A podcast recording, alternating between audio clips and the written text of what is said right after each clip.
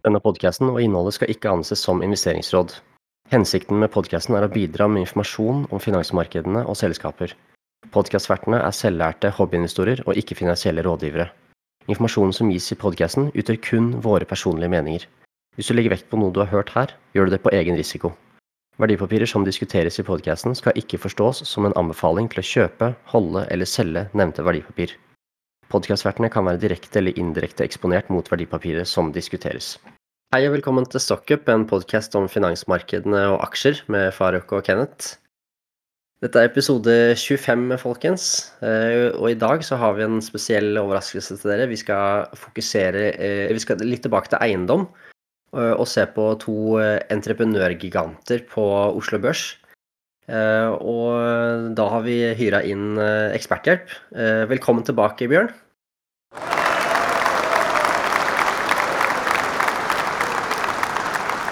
Tusen takk for det. Jeg er veldig glad for at du har lyst til å komme tilbake i poden. Ja, i dag skal vi få en liten presentasjon av to eh, entreprenørgiganter på Oslo Børs, Veidekke og AF-gruppen. Eh, og de, ja, de kjenner du godt til, Bjørn? Det gjør jeg, vet du. Men aller først så har jeg tenkt å snakke litt om uh, hvorfor man bør eh, investere i entreprenør. da. Så jeg har et lite perspektiv å dele akkurat rundt det. Så jeg, jeg kan starte med det, og så tenkte jeg etterpå å ta litt kort historikk om både Veidekke og AF-gruppen. Perfekt. Kjør på. Ja. Hvorfor bør man investere i entreprenør? Uh, absolutt alt du ser rundt deg som ikke er natur og skog, er resultatet av enten bygg- eller anleggsarbeid. Det gjelder jo din egen bolig, uh, veier og fortau du går på, tunneler og broer, uh, arbeidsplassen, det bygget du jobber i, kraftverkene vi har, toglinjer og høyspentmaster. Man deler grovt sett byggeindustrien inn i tre kategorier. Du har oppføring av bygninger, infrastruktur og rehabilitering. Eh, den rehabiliteringa gjerne i forbindelse med energieffektivisering, og det skal vi komme litt eh, tilbake til senere. Eh, vi lever jo gode og trygge liv hvor det meste fungerer optimalt til enhver tid. Det jobbes hele tida med å både bygge nytt, restaurere og vedlikeholde bygninger og infrastruktur. Så for meg så er den største grunnen til å investere i entreprenør er at det finnes et evighetsperspektiv i sektoren. Det vil alltid være behov for det de her selskapene leverer, uansett. Dette er ikke varer og tjenester som er populære eller trendy en kort periode, og som kan byttes ut med en bedre idé eller et annet modernisert produkt. Det er umulig å komme seg unna både nybygg, rehabilitering og infrastruktur. Slik har det alltid vært, og det vil alltid bli sånn, fordi hver eneste dag så får du en slitasje på på det som finnes av infrastruktur. Eh, I episoden her da, så, så introduserte vi om at vi skulle snakke om de to største børsnoterte entreprenørene på Oslo Børs. Eh, for å få en litt sånn oversikt nå, så eh, er market cap på begge selskapene de er ganske like. De er verdsatt i dag mellom 12 og 13 milliarder, litt avhengig av hva, hva kursene er. I dag så slutta vel Veidekke på rundt 102 kroner og AF-gruppen på 114. Eh, de er også ganske like når det gjelder ordrereserver. Der har de rundt 40 eh, milliarder. Og resultatmarginene til sånne store entreprenører de ligger typisk i området mellom 3 og 5% Det kan høres litt lite ut, men det blir en del penger på bunnlinja når du har en omsetning eh, på et år da, som ligger mellom 30 og 40 milliarder kroner. Hvis man skal ta et eksempel som en uh, liten investor der, da, som kjøper aksjer, så kan man si at uh, de her selskapene har omtrent 100 millioner aksjer. og Da vil du få et resultat mellom 9 og 12 kroner per aksje hvis de har en omsetning som varierer mellom 30 og 40 milliarder. Uh, hvis du f.eks. putter 3% driftsmargin inn i et regneark. Hvis man tar et eksempel, eh, la oss si at eh, et selskap som Veidekke eller AFG har omtrent 100 eh, millioner aksjer. Da vil du få et resultat mellom 9 og 12 kroner per aksje på en omsetning som varierer mellom 30 og 40 milliarder når du putter inn 3% driftsmargin i et regneark. Så vil jo gjeldende utbyttepolitikk bestemme f.eks. utbytter til aksjonærene mellom 5 og 10 kroner. Og det er jo på dette nivået utbyttene for aksjonærene har ligget i de her to selskapene. Da skal jeg ta en kort presentasjon av begge selskap, og så skal vi etterpå se litt på forskjellen mellom de her to. Jeg velger å starte med Veidekke.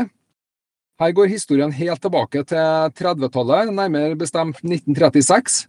Og som navnet sier, så er det Veidekke som var den første jobben. Nærmere bestemt legging av brostein i østlandsområdet. I 1948 kom den første store anleggskontrakten, og det var bygging av Sola lufthavn i Stavanger. Utover på 50-tallet så fikk Veidekke flere kontrakter på å bygge flyplasser her i Norge, og det første utenlandsoppdraget var faktisk å bygge flyplass i Etiopia. Det er jo i Sør-Afrika, nabolandet til Somalia. Så hvordan de kom, eh, fikk oppdrag nedi der, det, der jeg ville likt å høre historien om. på 60- og 70-tallet så fikk selskapet stadig større anleggsoppdrag, og Veidekke ble stor som eh, innen veidekke, eh, innen, veibyggere og asfaltering. De bygga også et eh, kraftverk og fikk industriprosjekt innenfor oljesektoren. På 1980-tallet så skjedde en del konsolidering i entreprenørbransjen. Det ble kjøpt opp ti selskaper, og Veidekke sin strategi var å utvikle seg videre som et selvstendig selskap. I denne perioden så begynte jeg også å komme inn på bolig- og næringsbyggmarkedet, og de fikk en børsnotering, og det skjedde i 1986. På 1990-tallet så kjøpte de Aker Entreprenør, og omsetninga dobla seg. Veidekke tilfører også eiendomsutvikling som et nytt forretningsområde på 90-tallet, og de ekspanderer til både Sverige og Danmark. I dette tiåret blir de en skandinavisk entreprenør. I år 2000 så overtar Veidekke en større entreprenør i Danmark, og, etter, og etablerer både entreprenør- og eiendomsvirksomhet i Sverige. I 2020 så velger Veidekke å selge eiendomsvirksomheten sin, som het Veidekke Eiendom, til et selskap som heter Norder. Og Selskapet i dag er en reindyrka, stor skandinavisk entreprenør. I dag er ambisjonen eh, lønnsomhet eh, foran vekst, attraktivt utbytte til aksjonærene og null skader på mannskapet. Veidekke er i dag blant de fremste på områdene bærekraft, teknisk ledelse, rehabilitering og energieffektivisering og teknologi. Jeg har også fått tak i noen eh, fun facts om Veidekke. Veidekke har aldri siden oppstart hatt et år med underskudd i drifta. Det er litt eh, Det er en, bra, er en bra, bra, ting. Det er litt uh, overraskende. Uh, Ca. halvparten av alle ansatte er aksjonærer. Ambisjonen til Veidekke på miljøsida er å bli klimanøytral innen, innen år 2045. Veidekke har teknisk ledelse i eget hus som sikrer kvalitet i hele byggeprosessen, fra forprosjekteringa inn i byggefasen, i overtagelsen, og de er med på prøvedrift. Hensikten med dette er å få til en systematisk ferdigstillelse og overlevering til byggherre og boligkjøper uten feil. Alternativet til dette er å leie inn ekstern rådgivning som kanskje ikke har det samme eierskapet og detaljkunnskapen om bygget. Veidekke har også nylig kjøpt landets første elektriske storbil som skal brukes til snøbrøyting. Altså en fullskala lastebil som skal ha fått oppdrag å brøyte veistrekninger. Dette er en del av en større satsing på bærekraft og lave utslipp. Så skal vi gå over til AF-gruppen. AF-gruppen ble etablert i 1985 av to gründere som hadde jobba hos Selmer i anleggsdivisjonen. De het Per Aftret og Per Jørgen Moger. Forretningsideen var tunge anleggsprosjekter. Allerede i 1986 var AF-gruppen involvert i store anleggskontrakter. Det første prosjektet deres var Dam Dokkfløyvann. og Det er en regulert innsjø med en 680 meter lang og på det meste 83 meter høy steinfyllingsdam. Det samme året ble det også bygga en vedlikeholdshall for togsett i Lodalen. Grunnen til at AF-gruppen heter AF-gruppen, er at uh, de første prosjektene ble, uh, kom til som et arbeidsfellesskap mellom flere bedrifter.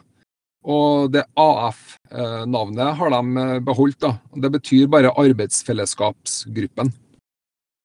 På slutten av 80-tallet så valgte AF-gruppen å satse i nye markedsområder og gikk inn i olje- og gassektoren. I 1991 så bygga AF-gruppen en landfallstunnel fra Trollfeltet. Kontrakten var nærmere tre ganger så stor som omsetninga i selskapet, og innebar på dette tidspunktet en veldig stor risiko. Men jobben gikk heldigvis bra, og det skapte en viktig del av grunnlaget for AF-gruppen sin videre vekst. Omsetninga ble tredobla, og kompetansen på prosjektstyring, sikkerhet og kvalitet ble sterkt forbedra. Selskapet vokste videre, og, fikk etter hvert kapasitet til å gå inn i bygg- og eiendomsmarkedet. I 1997 så fusjonerer AF-gruppen med Ragnar Evensen Entreprenør, og de går på børs samme år. Etter hvert så etableres også bygg- og eiendomsvirksomhet i Østfold og i Gøteborg. Ved tusenårsskiftet starter selskapet sin miljøvirksomhet. De ser potensialet i gammel industri som skal saneres og fases ut. Oppkjøp og satsing innenfor riveoppdrag gjør at AF-gruppen blir Norges største riveaktør på kun ett år. Det første store riveoppdraget var Sola raffineri, og innebar riving og fjerning av 86 tonn med stål og betong. I 2004 så tok de virksomheten sin offshore og fikk i oppdrag å rive den gamle Ekofisk-tanken i Nordsjøen. Prosjektet ble lagt merke til, og snart eh, så vant AF-gruppen flere kontrakter og måtte utvide sin miljøbase som de har bygga i Vats i Rogaland.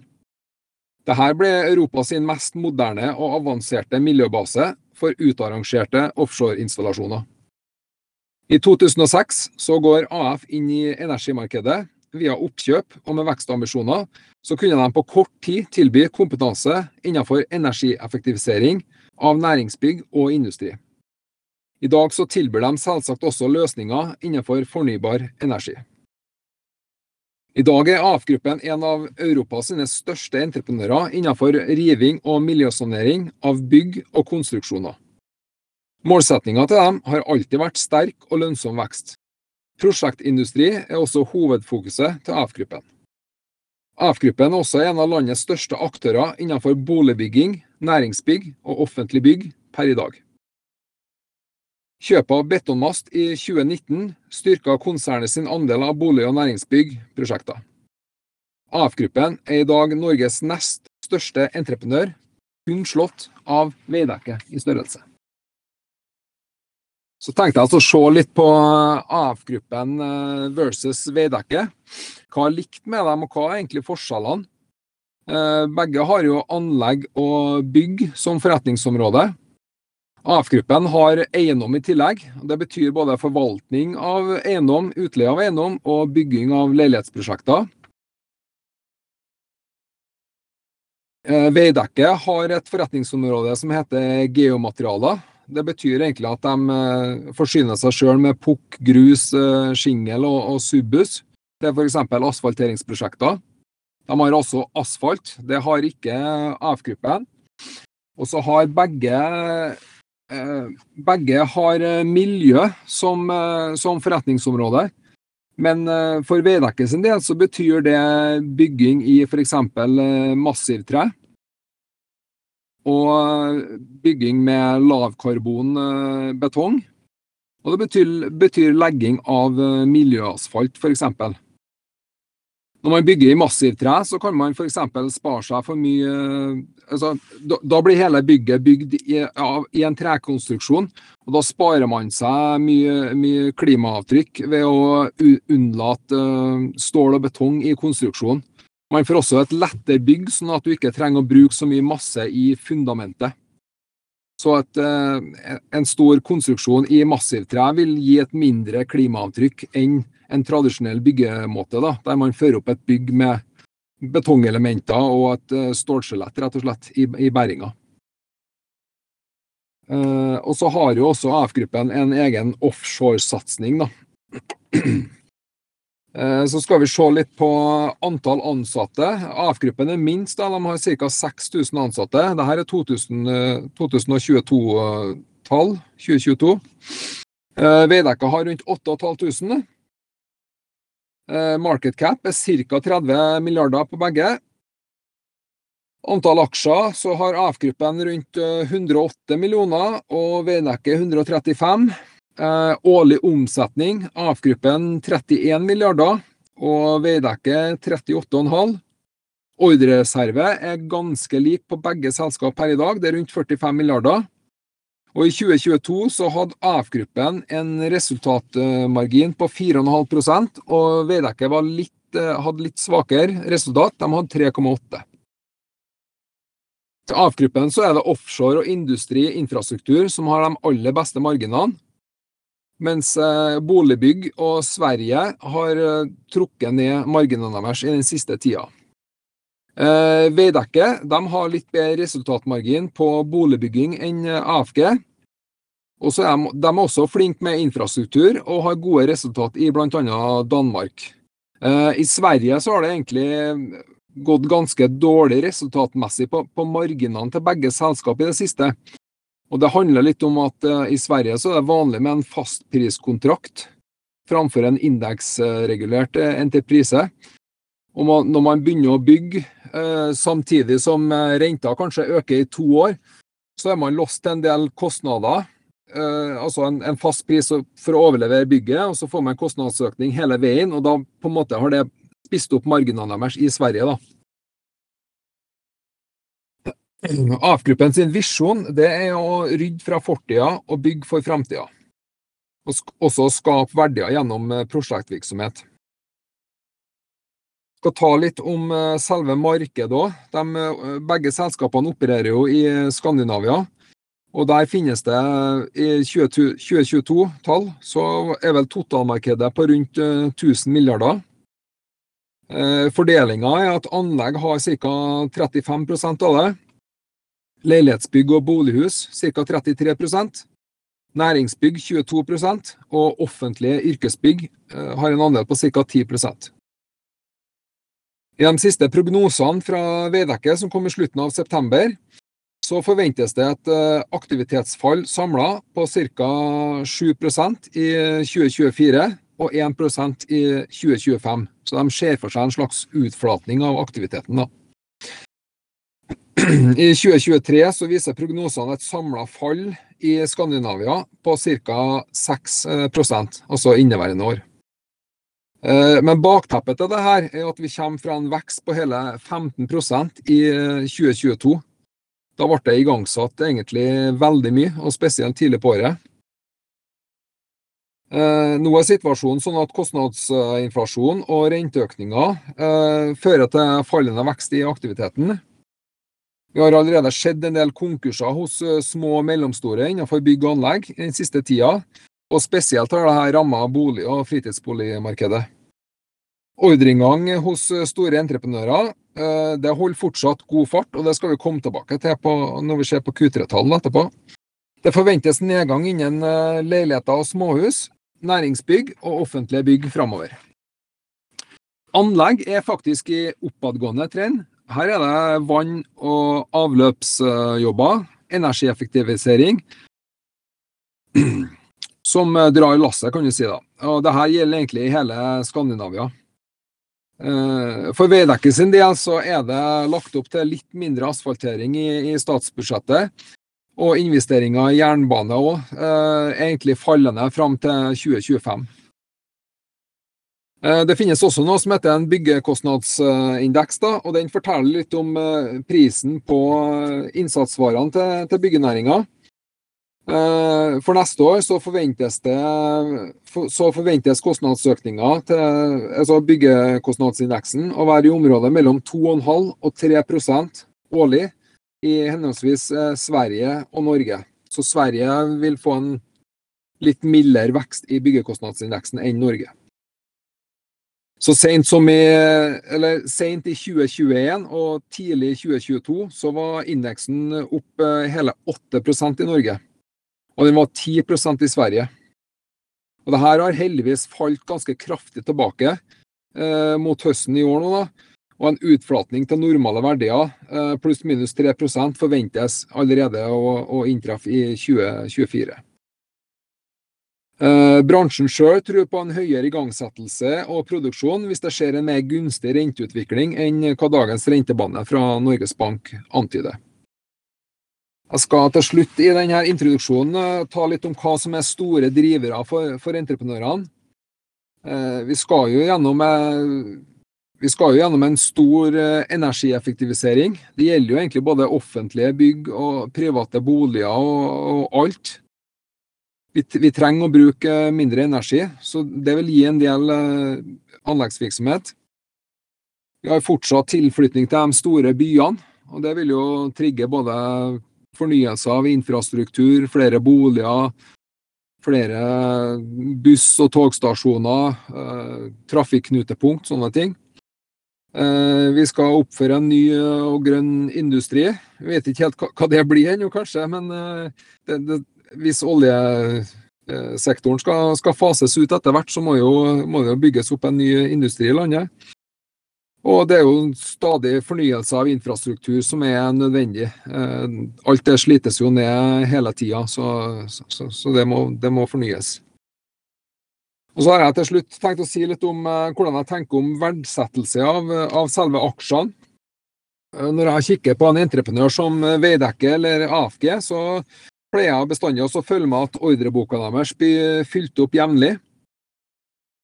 At man ikke på en måte eh, får lavere ordrebok fra kvartal til kvartal. Er det en fallende trend, så er det litt sånn uh, skummelt.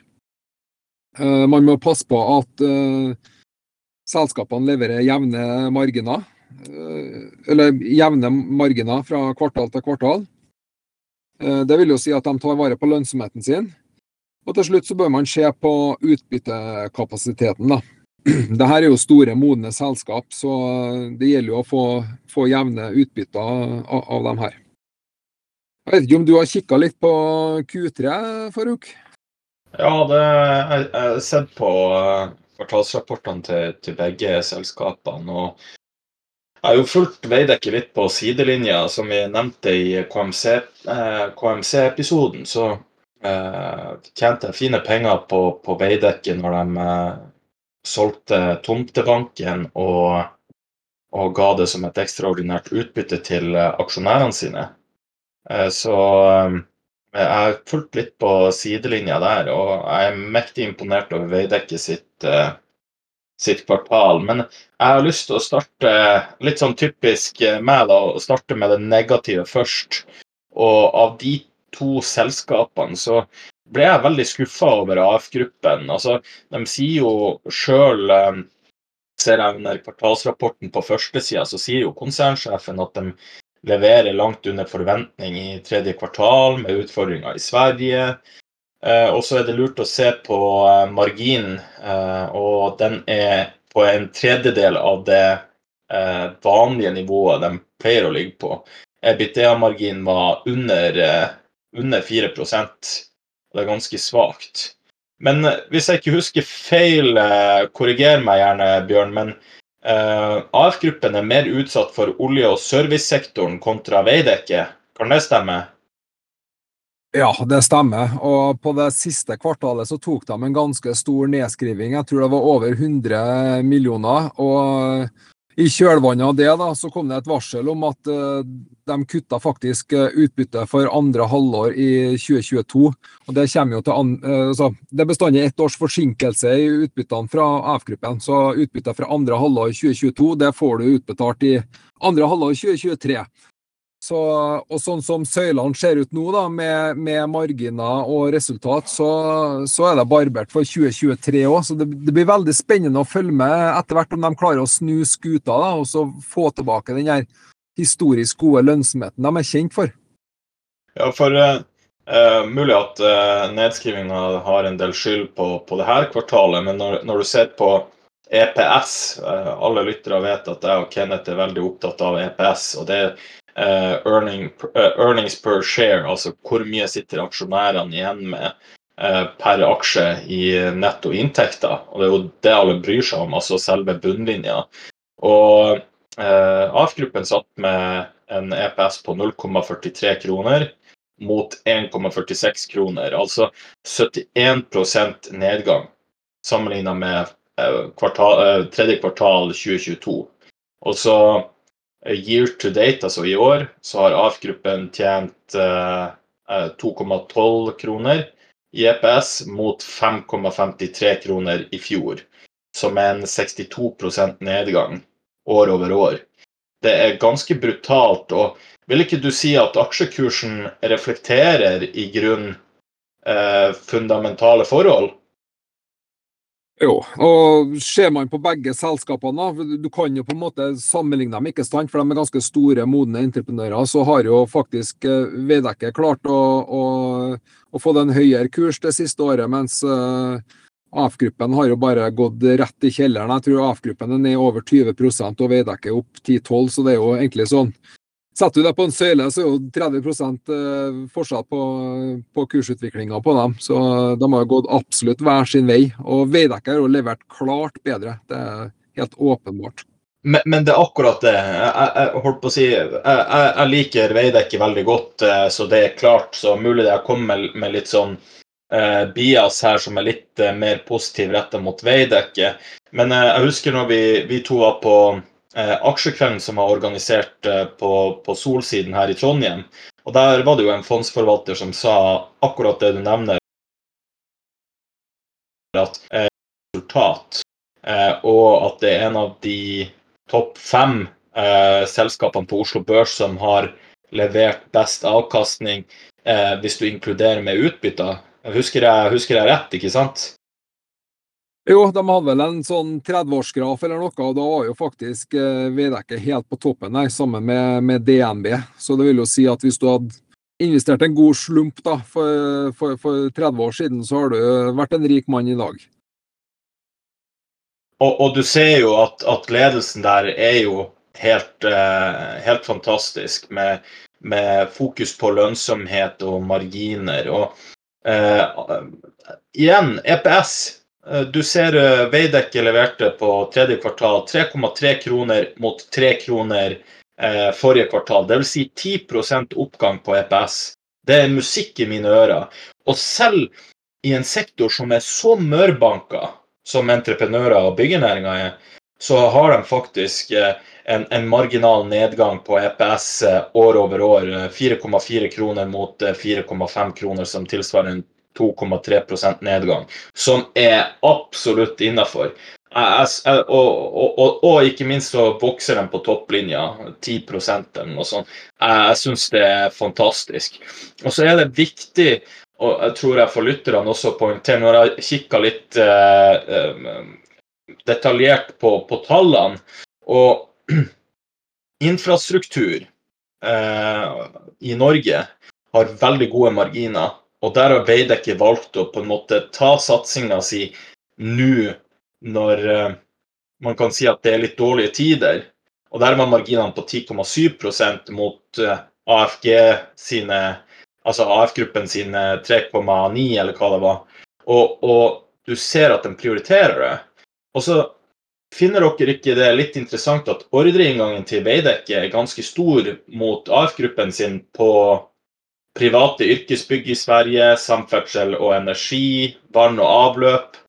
Og så at de er mer på en måte rendyrka mot anlegg enn AF-gruppen, som gjør at ja, at uh, de er mindre uh, uh, Hvordan skal man si Mindre avhengig av konjunkturene i, i makroøkonomien, for å si det sånn. Ja, de har helt klart uh, eh, jobba med lønnsomheten og gjort veldig gode kalkyler. Uh, begge selskapene har levert litt svakt i Sverige, ikke sant? for de har blitt truffet av en kostnads- og renteoppgang der på, på, um, i økonomien. Og kostnadene har økt gjennom uh, produksjonssykkelen for begge selskap, men Veidekke har faktisk kommet bedre ut av det i Sverige også der det har vært eh, fastpriskontrakter. Så de har jo nesten åpenbart hatt mer kontroll på kostnadsbildet også, og gjort det kanskje en bedre, bedre entreprise i utgangspunktet. Kalkulert bedre, rett og slett.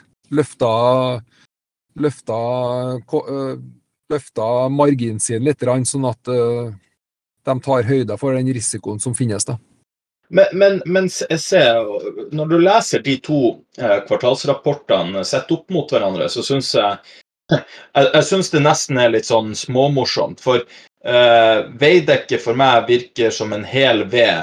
Når jeg leser AF-gruppen sin, eh, sin, rapport, eh, så, så, leser jeg en del unnskyldninger. Eh, Sjøl skriver de på rapporten at geopolitisk uro, stigende renter er et eh, stort problem, i tillegg til svak kronekurs. Uforutsigbarhet med høy inflasjon, spesielt i Sverige og Norge. Eh, selv om renta har blitt drevet opp, så sliter vi mer med inflasjon enn resten av kontinentet og, og USA og Canada f.eks. Eh, anleggsmarkedet er mindre eh, holdt på å si, sensitivt for konjunktursvingninger pga. offentlig etterspørsel, som er en sterk driver. Og der på en måte prøver AF-gruppen å pivote mot det segmentet som på en måte Veidekke har fokusert på i hele år.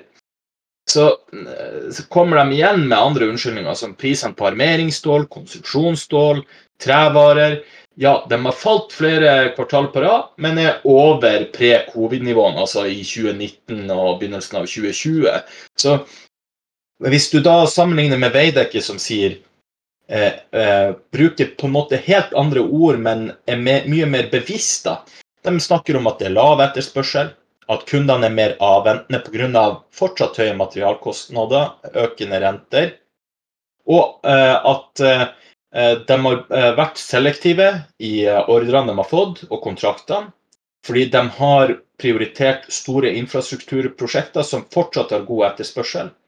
Og de har god forutsigbarhet over aktivitetene for de neste tolv månedene. Men at de forventer at markedsforholdene vil bli påvirka eh, eh, vil bli påvirka negativt pga. Eh, lagging effects av renta, som kan påvirke omsetninga på slutten av 2024. Så du ser at på en måte Veidekke kommer med mer konkrete kalkyler, som du sjøl poengterte veldig fint, Bjørn. Men de, det virker som at de, de angriper de utfordringene. AF-gruppen bare sier sånn her er det, men vi, vi gjør ingenting med det. Eh, da skjønner jeg at Veidekke prises til en, kanskje en premie kontra AF-gruppen, i tillegg til at Veidekke eh, holder ved like på, på, på sine utbytter. Er ikke du enig? Jo, absolutt. Så de har rett og slett eh, bare vært eh, dyktigere på nesten alle områder. Og de har, de har vært flinkere til å rett og slett pikke anbud, tror jeg. Og bare få rett kalkyle og, og, og, og ta de jobbene som, som, ser bra og lovende ut, og der de føler seg trygge både på ja, å få igjen marginen sin, rett og slett. Jeg tror det, de, de har vært bedre på det, rett og slett. Forarbeidet. Men Eh, jeg vil også poengtere at eh, er ikke det, når det ser ut som mørkest, at man skal på en måte angripe de her eh, selskapene som har fått bank, og det er liten tvil at begge disse to har fått bank kursmessig. altså Veidekke også ned, men ikke like mye som AF-gruppen. Men er ikke det her også et rett tidspunkt kanskje å kjøpe dem? Nå stiller jeg et åpent spørsmål. for eh, man, man, leser jo også på begge rapportene, og spesielt i AF-gruppen, som Eh, viser til eh, regjeringa som har bevilga ja, 90 milliarder kroner til formål Nasjonal transportplan, og der er de ganske store. Som på en måte de vil ta masse markedsandeler på. Så har du et annet bullcase. Og det er at norske myndigheter, altså politikerne som finner på masse artig, har fastsatt ambisiøse mål for reduksjon av energibruk frem mot 2030 og at eh, høye strømpriser gjør investeringer i energieffektiviserende tiltak svært attraktivt. Nå siterer jeg fra, fra Byggenæringens Landsforening. Og de ser potensial for energieffektivisering av 10 TWh i Norge, som vil gi gode markedsmuligheter for selskaper som Veidekke og ikke minst AF-gruppen.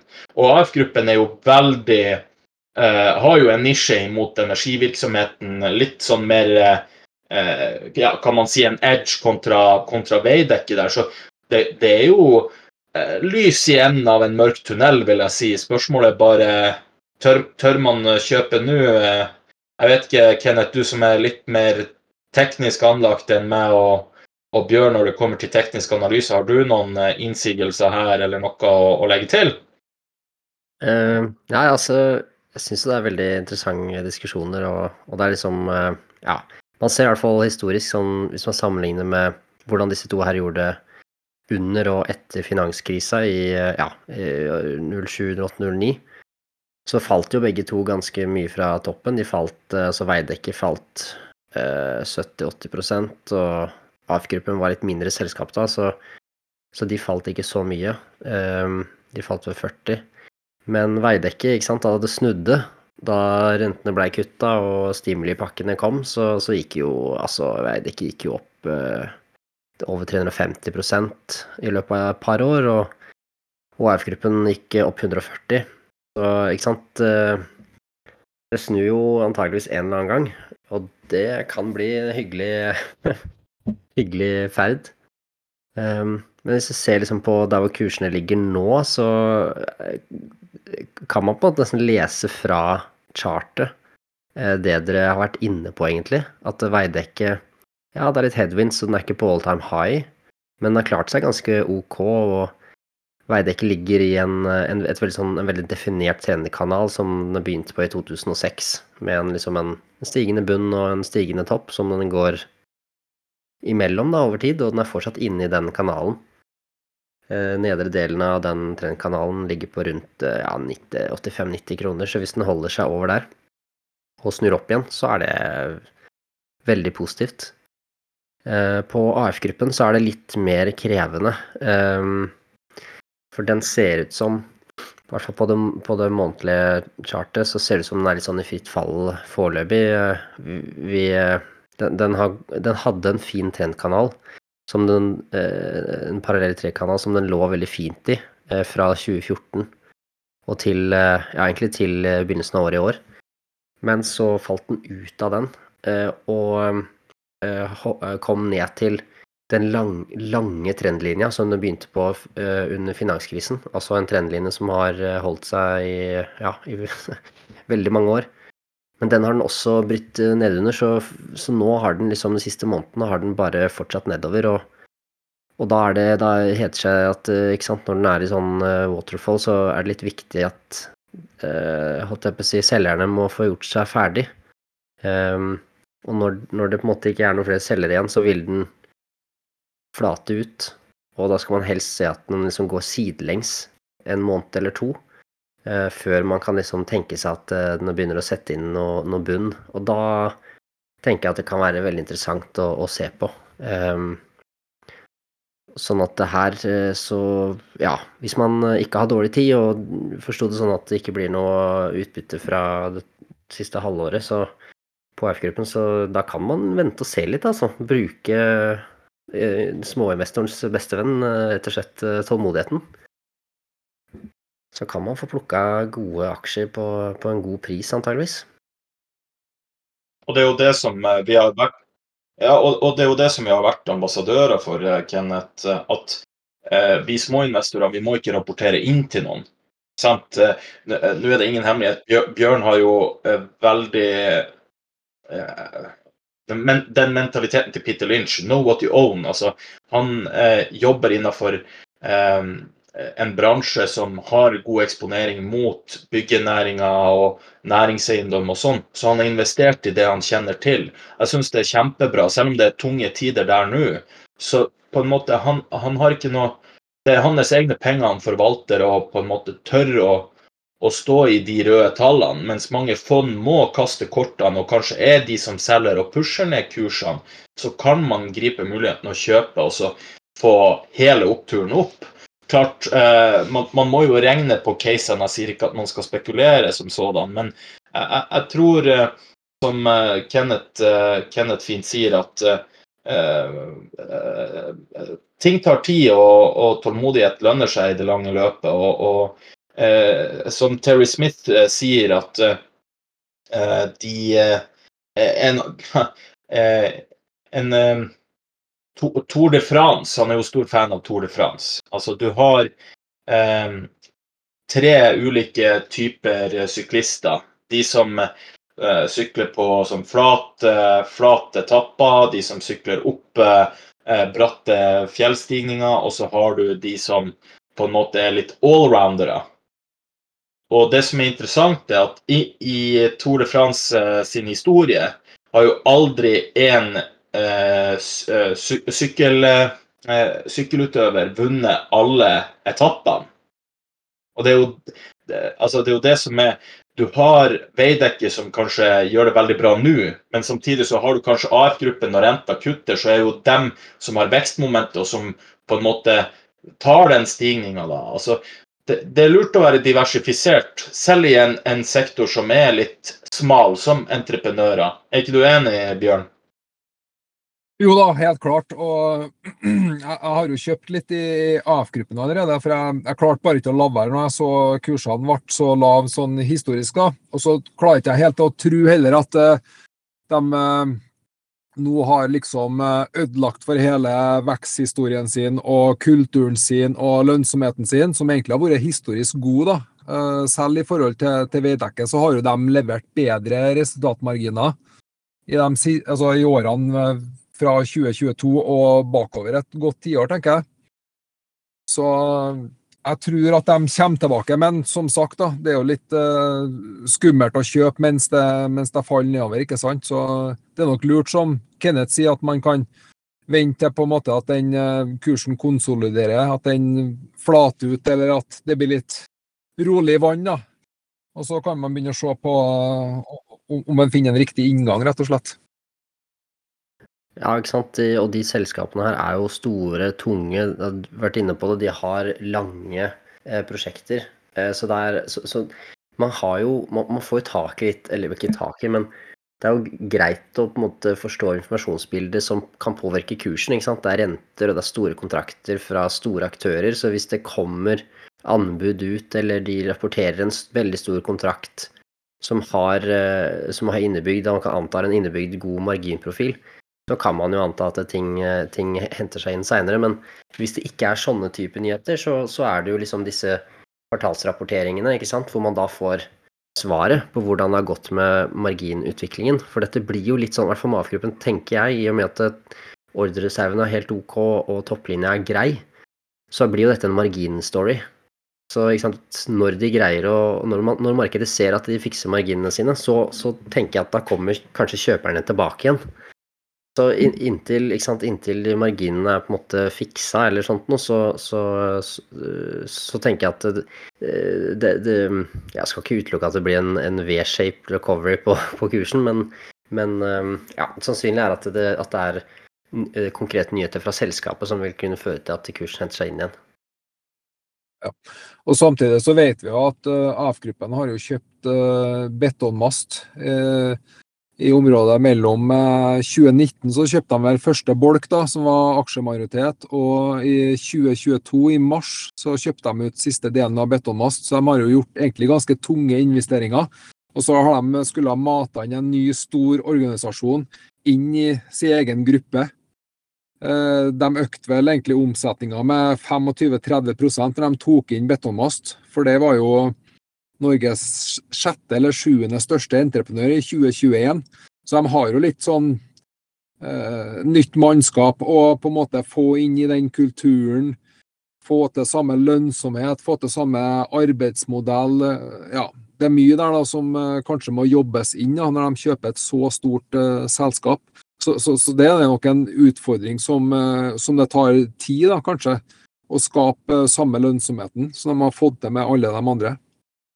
Så det håper jeg at det vil skje, da. Så vi får se på det. Ja, ikke sant. Ja, det tror jeg du er helt uh, rett i. I hvert fall når du snakker så store transaksjoner, så tar det jo tid å få henta ut uh, synergieffekter både på oppsida med å få gjort ting bedre og raskere, men, men også det at det, det, koster jo en god del, ikke sant. Det å integrere en helt annen virksomhet. og det tar jo gjerne ett til to år før det er på en måte ordna. Og da kan, da kan resultatet se, se verre ut. Så, så, definitivt, det kan eh, være en del av storyen her. I Veidekke sin, eh, sitt tilfelle så er de kanskje mer eller mindre ferdigvokst. De uttaler jo at de eh, fokuserer på lønnsomhet framfor vekst. og Da kan man egentlig bare finpuste de der marginene, lønnsomheten, hvor effektive skal vi være.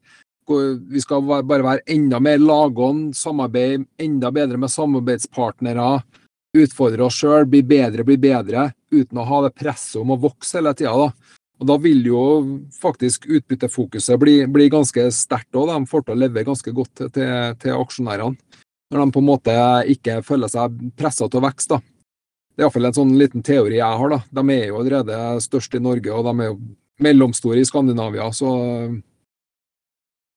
Mens AF-gruppen har mer den her fokuset på at de fortsatt skal vokse. Så Veidekke har kanskje kommet lenger i sin historie som et modent selskap. da. Det er ikke sikkert at Veidekke planlegger å bli dobbelt så stor, jeg aner ikke. Men eh, det høres ikke sånn ut på kommunikasjonen fra selskapet iallfall. Og den, den markedsposisjonen som Veidekke har eh, bygd opp eh, gjennom alle disse åra, eh, det, det, gjør jo at de er på en måte både en trusted partner, men også de har jo veldig god greie på hvordan man skal drive business gjennom disse eh, rentesyklene.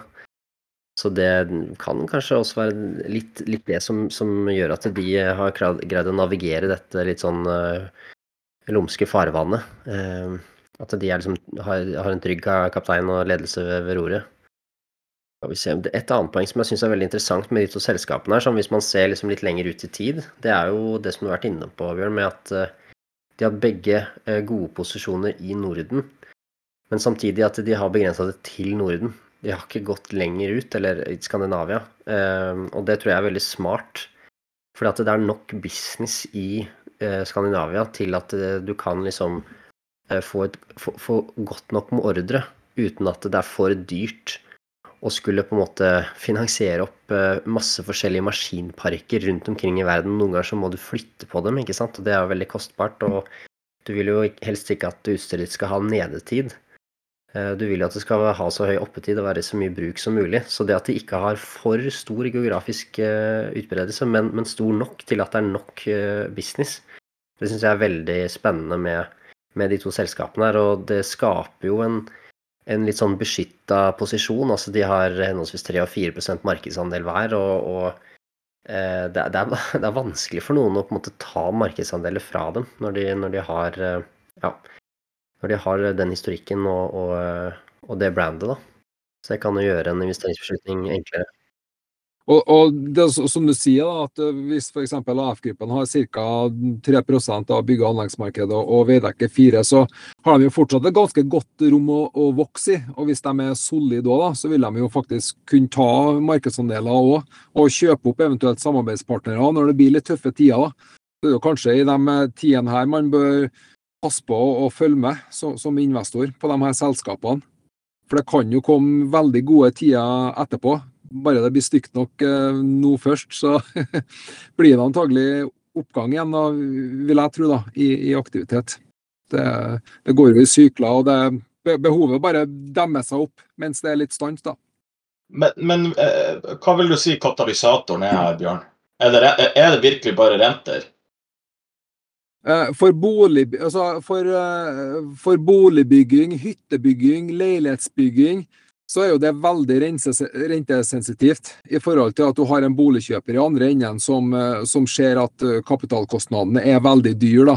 Og det har blitt dyr veldig fort, ikke sant. Kun, på kun et år så er liksom rentekostnadene for de fleste dobla. Uh, mens eh, leilighetene er jo ikke tilsvarende mye billigere, ikke sant. Så, så, det spiser jo mye mer av husholdningsbudsjettet ditt hvis du skal kjøpe en leilighet i dag. Så du, du kunne ha tenkt deg sjøl, hvis du var ung i dag og, og skulle inn på, på, boligmarkedet, så har det kosta mye mer av lønna di eh, kontra at du kjøpte for fire-fem år siden. da. Så det er jo klart en helt stor utfordring der. og Prognosemakerne venter jo at anleggsmarkedet skal ned med ca. 30 milliarder i neste år. Og bolig- og hyttebyggere skal ned med rundt 10 milliarder. Og Det tilsvarer kanskje 30 000 arbeidsplasser. Så det blir nok en kraftig nedkjøling, og den har vi nok foran oss. Så her blir det veldig viktig å, å, å følge med på de her aktørene, hvordan de spiller kortene sine da, i, i denne tøffe perioden.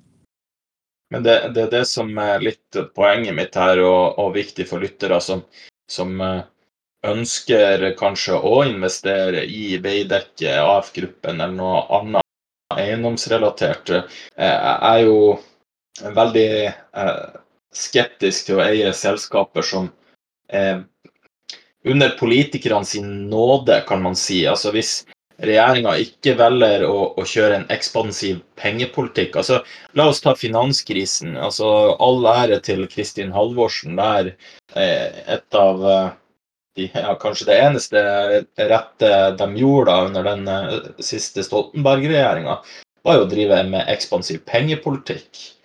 Og dundra inn liksom masse eh, prosjekter til byggenæringa, sånn at altså entreprenørene til å få en, en boom liksom opp. Hva er det som skal drive det her, eh, når du ser at eh, eh når du ser at norske kroner som er så inflatert, og, og eh, regjeringa ikke ønsker Altså, du får en, en, en, en ond spiral, ikke sant. Hvis renta kuttes nå, la oss si, når inflasjonen er høy, nå snakker jeg om kjerneinflasjon, hvem skal eh, Hvis du inflaterer da eh, fastlandsøkonomien, så vil jo inflasjonen stige og renta må opp ytterligere. Altså, det er derfor jeg sier det det er kjempevanskelig å regne hjem de, eh, de her entreprenørene. Hvor bunnen eventuelt blir er jo veldig avhengig av makroøkonomien. Ja, det er veldig gode poenger. Det, det er det. Altså, det blir jo da også kanskje følge litt med på eh, produsentprisene og de på en måte største prisene på, som er innsatsfaktorer til, eh, til den næringa her. Eh, eh, ja. Så da får man en liten pekepinn på hvordan, hvor det går, på en måte. Altså for eksempel i Norge så går produsent, produsentprisene har gått ned ganske mange kvartaler på rad. Eh, måneder på rad. Så det går på en måte en riktig retning. Men eh, ja. Poenget er at noe må knekke for at egentlig renta skal ned. Hvis det her blir, som alle ekspertene sier, en, en higher for longer Altså eh, da, da må du innrømme, Bjørn, det blir vanskelig å, å, å, å hoppe på entreprenørene og få en boom, boom, opp der hvis det blir higher for longer, altså. Ja, det gå seint ganske lenge. Men uh, samtidig så vil det på en måte demmes opp et behov også, både for, i, innenfor anlegg og byggevirksomhet da, som man ikke helt kan overse. Så aktiviteten må jo på et eller annet tidspunkt opp, da. Og det er jo ikke godt å si uh, hva, som vil utløse det. Det er jo ikke sikkert det kommer en byggeboom sånn som i 2009 og, og utover. Uh, jeg husker jo sjøl jeg var håndverker i 2008, faktisk, når den finanskrisa inntraff. da. Det første som skjedde, var jo at liksom all aktiviteten til, til firmaet jeg jobba i, ble jo nesten uh, satt på vent. da. Rydda og kosta lageret, og vi telte varer. Hadde vi gjort det i en par uker, så måtte jo eh, en god del av gruppa ned på Nav og permittere seg. Men eh, vet du hva? Etter tre uker så var vi tilbake i den største oppgangssykelen vi omtrent har hatt noensinne. Jeg husker at eh, f.eks. universitet og sykehus plukka opp ledig kapasitet. Og det gjorde også de store boligutleierne i Trondheim, sånn som Kjelsberg og Koteng. Plutselig så de at det var ledig kapasitet og de trengte jo å gjøre en del med byggene sine, så det var en sånn kjempeartig erfaring å få. da. Vi ser at uh, det er bestandig noen som har behov for det her. Og når det kommer veldig mye ledig kapasitet, så kommer, det ofte noen og tar det. da. For det er bestandig noen som har behov, og det er bestandig noen som har kapital og trenger å få gjort ting. Så, ja. Men hva som blir utfallet av her, det, det, er ikke godt å si. Også, altså. men boligbygginga er jo på et kritisk lavt uh, nivå nå. Så der er jeg veldig veldig spent på, på hva som skjer de neste la oss si, to-tre årene. For det blir jo uh, Produksjonen er for liten, rett og slett. Høres ut som det kan bli grei etterspørsel.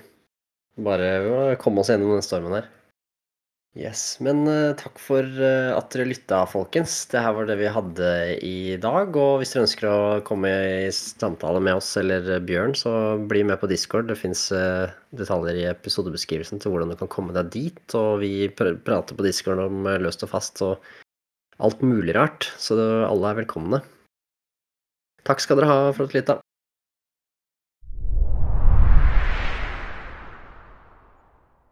Ja, Bjørn, hvordan syns du det gikk? Jo da, gikk det gikk da ganske greit. Jo, men jeg syns du var veldig veldig flink, eh, Bjørn. All ære til deg. Jeg er jo ikke noe eh, jeg er ikke like god på det, på, på det fundamentale i forhold til hvordan entreprenørene funker og alle de leddene der, så det var jo kjempebra at du kunne bidra. Så det der setter vi stor pris på, at eh, folk som på en måte kjenner til andre ting, på en måte får en stemme og får uh, vist hva de kan til, til lytterne. For jeg tror, uh, tror, vi prøver å gi det til alle småsparerne en, en, form for bredde. Og det er fint at vi har eh, eksperthjelp i, i sånne folk som deg, og, og, som er en god bidragsyter for discorden også.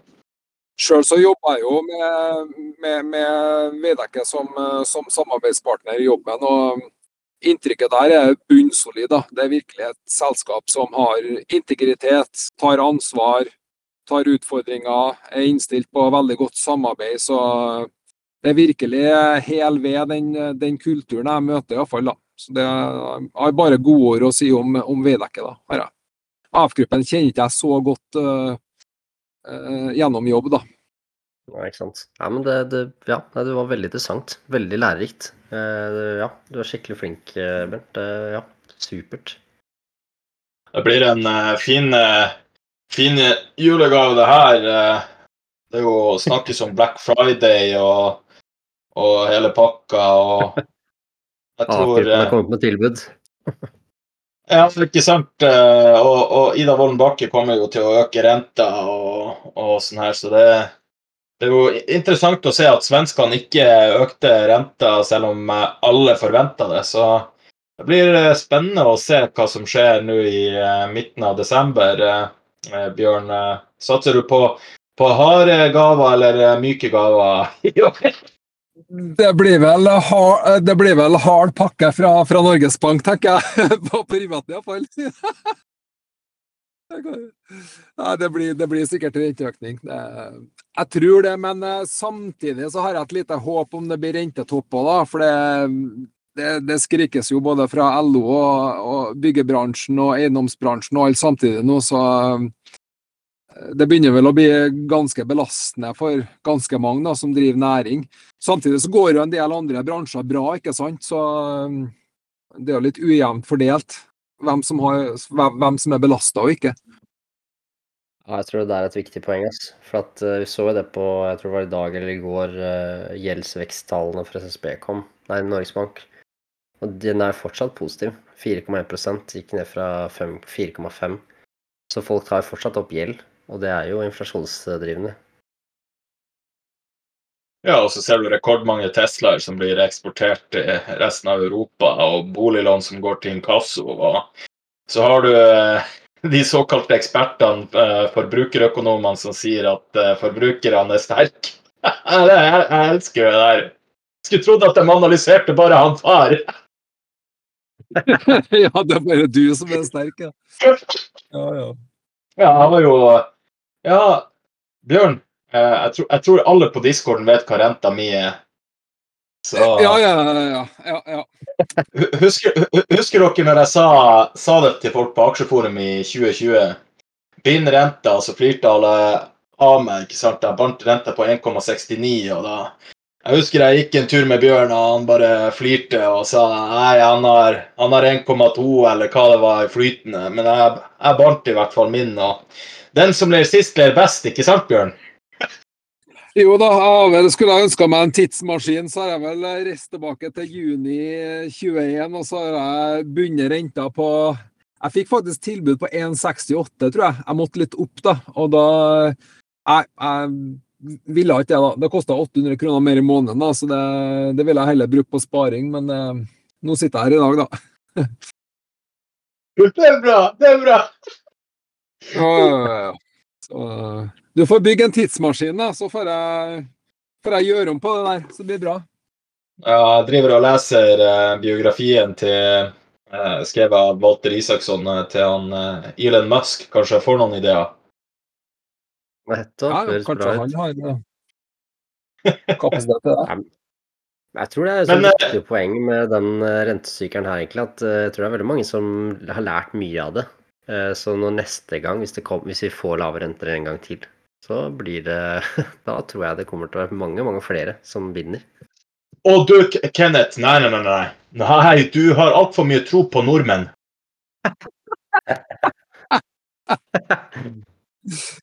Nei, men vet du hva, det er det som er mitt poeng. Nordmenn lærer ikke. Hvis renta nå går ned igjen, og så da Nei, nå skal renta enda mer ned, enda, enda, mer ned, enda mer ned, og så blir folk veldig fornøyd med den flytende renta de har, og så binder de ikke.